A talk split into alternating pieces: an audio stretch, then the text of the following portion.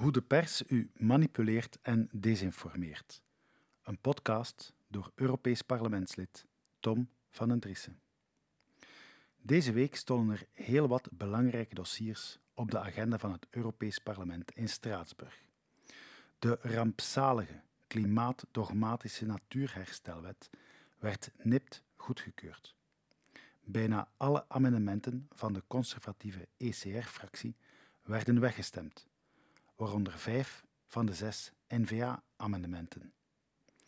Enkele amendementen van de liberale fractie van Guy Verhofstadt konden de tekst wel enigszins wijzigen. Toch bleek dit voor de N-VA voldoende om voor de Natuurherstelwet te stemmen. Amper vijf van de 121 stemmen van de nationalistische ID-fractie van het Vlaams Belang en de conservatieve ECR-fractie van de NVA stemden voor, waaronder dus die drie NVA'ers. De groene, socialistische en communistische fracties stemden in blok unaniem voor. Ze waren dan ook door het dolle heen met de nipte goedkeuring en gaven minutenlang een staande ovatie. Als indicatie over de inhoud van de uiteindelijke tekst van die natuurherstelwet kan dat alvast tellen. Het is dan ook een publiek geheim dat NVA enkel uit miserie bij de conservatieve ECR-fractie zit, nadat ze in 2019 niet mochten aansluiten bij de liberale Renew-fractie van Verhofstadt, noch bij de christendemocratische EPP-fractie van de CD&V. In 2024 zullen ze het allicht opnieuw proberen bij deze regimefracties aan te sluiten. Van Overtveld doet alvast zijn uiterste best, zo gehoorzaam, slaafs en gedwee mogelijk zijn rol als voorzitter van de budgetcommissie in het Europees Parlement in te vullen. Een tweede interessant dossier was het rapport van de bijzondere COVID-commissie.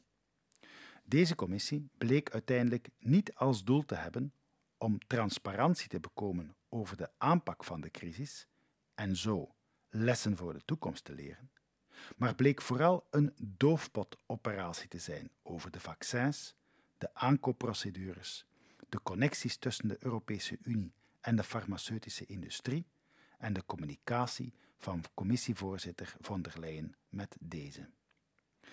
Onze nationalistische fractie ID stelde herhaaldelijk kritische vragen waarop maar geen antwoord kwam. Uiteindelijk dienen we tal van amendementen in. Daarbij vroegen we volledige openbaarheid, klaagden we het beperkt onderzoek aan naar eventueel mogelijke schadelijke gevolgen van de vaccinatie, de censuur op sociale media, etc.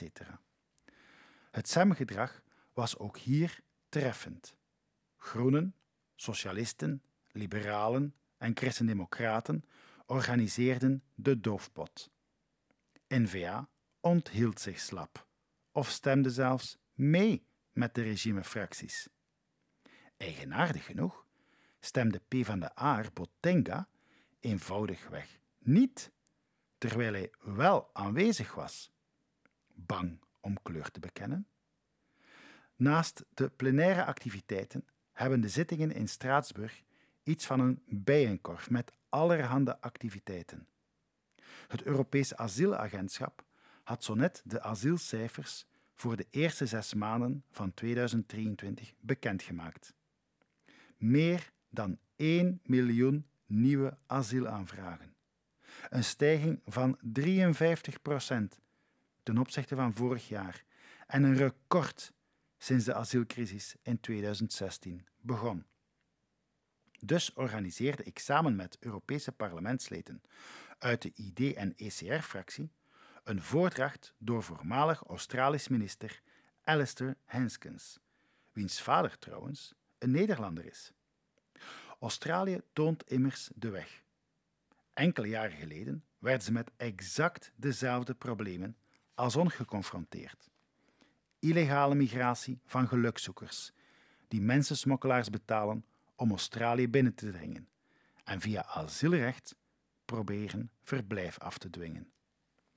Dat stopten ze door een no-way-beleid te voeren.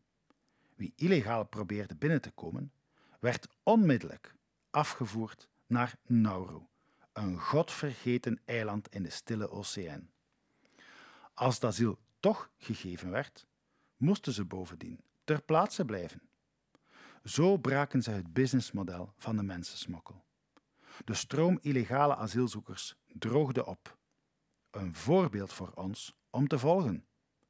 In het parlementair debat over doden ten gevolge van illegale migratie op de Middellandse Zee stelde ik dan ook dit soort uitgeteste en dus bewezen oplossing voor als alternatief voor de asielchaos die de Europese Unie nu al jaren toelaat, zo niet zelf doelbewust organiseert.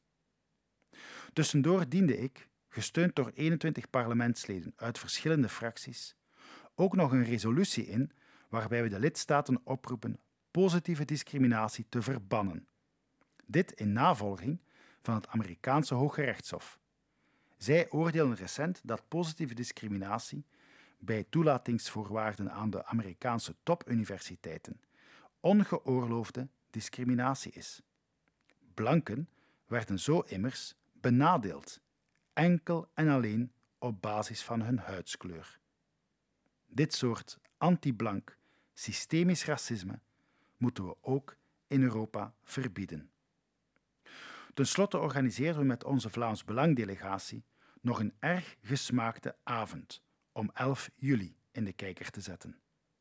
Een tot een nok gevulde zaal met aanwezigen uit tal van landen en opnieuw verschillende fracties lieten we kennis maken met onze rijke Vlaamse geschiedenis. Onze politieke boodschap was ook zeer duidelijk. Vlaanderen gaat naar zijn onafhankelijkheid en de internationale gemeenschap moet zich daarop voorbereiden. Vlaams Belang zoekt actief samenwerking binnen en buiten onze fractie in het Europees Parlement. Zo bouwen we netwerken en smeden vriendschappen om hefbomen te creëren om onze politieke doelen te realiseren. Vlamingen in Europa. Van al onze activiteiten leest u natuurlijk niets in de regimepers. Maar plots, voor het eerst deze legislatuur, kreeg ik een telefoon van Knak. Een zekere Tom de Smet had geen enkele vraag over mijn politieke activiteiten deze week, of wat de positie van Vlaams Belang was in deze belangrijke dossiers. Op 11 juli wenste ik echter alle Vlamingen een fijne nationale feestdag toe. Moet een betaalde feestdag worden, schreef ik. Dat zou prima zijn. Dus deed ik daarbij een alomgekend en universeel gekend oké-teken met duim en wijsvinger. Knak beschuldigde mij ervan dat dit zowaar een geheim white power teken zou zijn. Als bron van deze erg absurde beschuldiging haalde hij zowaar internationale experten aan. Het wordt pas echt interessant als we in blootleggen wie deze absurde linkse complottheorie academisch probeert te stofferen. Een van hen is de Nederlandse professor Sarah de Lange, onder andere bekend van haar aantijgingen tegen Nederlands politicus Martin Bosma van de PVV, die zij een antisemiet achtte wegens zijn kritische vragen over de politieke invloed van George Soros in de Nederlandse politiek.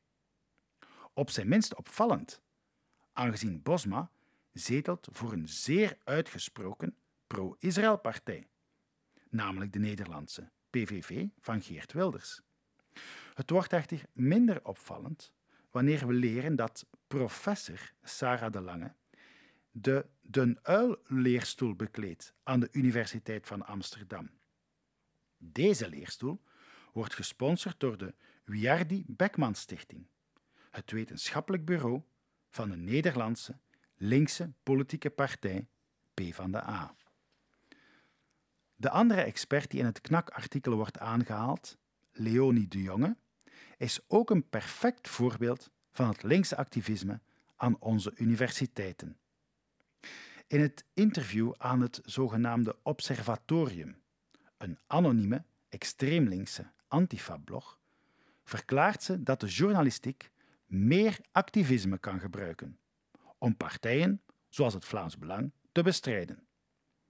Dat iedereen in het democratisch debat een stem moet krijgen en gehoord mag worden, klinkt normaal voor een democraat. Maar volgens voltijds betaalde linkse activisten als Leonie de Jonge is dat, en ik citeer, te ver doorgeslagen. Ook in een interview voor de extreemlinkse partij SP bepleit de Nederlandse activiste een strikter gebruik van het antidemocratische cordon voor partijen zoals het Vlaams Belang. Dit zijn natuurlijk helemaal geen neutrale academische experten, maar gewoonweg extreemlinkse activisten. Ze proberen vanuit een academische machtspositie allerhande wilde theorieën te fabriceren over zogenaamd populisme, het gevaar van sociale media, de geheime tekens van alt-right en dergelijke. In alle ernst beweren ze zelfs dat een glas melk drinken zowaar een teken van, hou u vast, blanke suprematie is. Je kan je natuurlijk niet verdedigen tegen dergelijke absurditeit. Maar dat is precies hun tactiek. Je bent immers per definitie schuldig, want de academische autoriteit heeft het bepaald.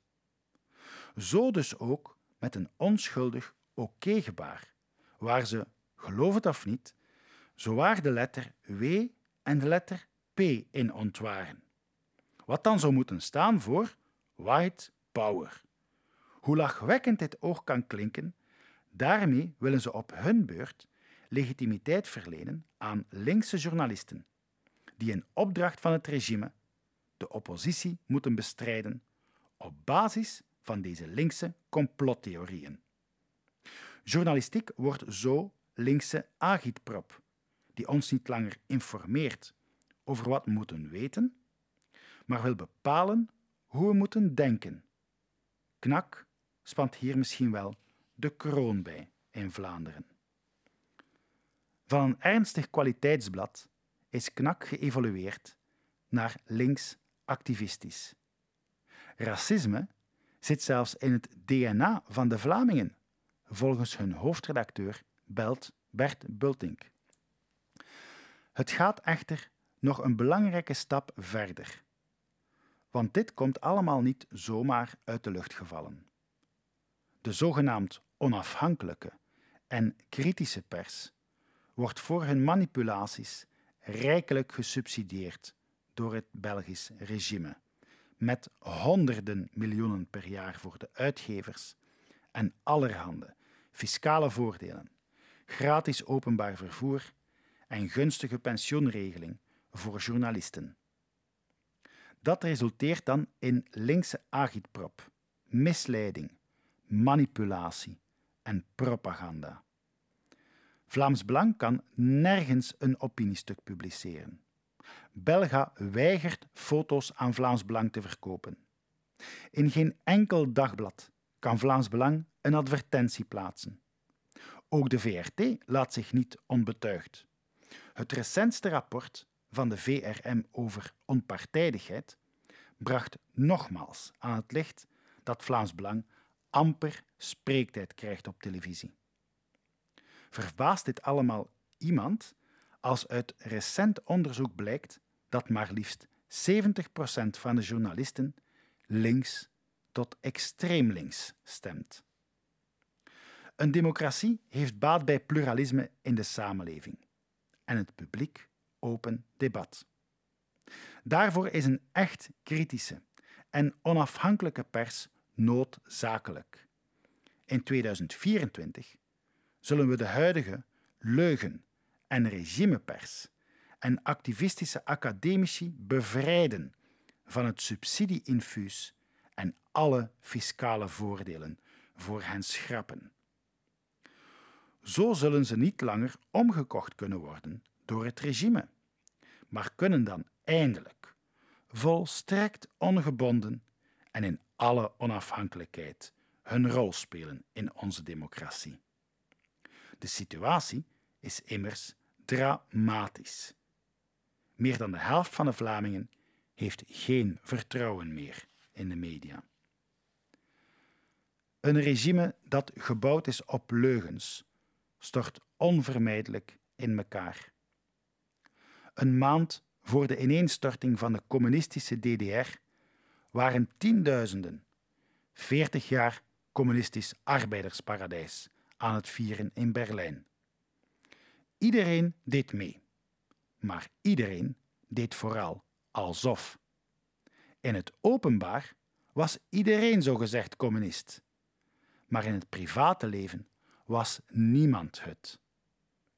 De regels zijn eenvoudig. Ze liegen tegen ons. Wij weten dat ze liegen. En zij weten dat wij weten dat ze liegen. Maar ze blijven liegen en wij blijven doen alsof we hen geloven, schreef de Russische dissidente Elena Korokova daarover. In elke peiling is Vlaams Belang ondertussen de grootste partij. De systeempartijen die het regime stutten, CD&V en VLD in het bijzonder, zijn aan het imploderen.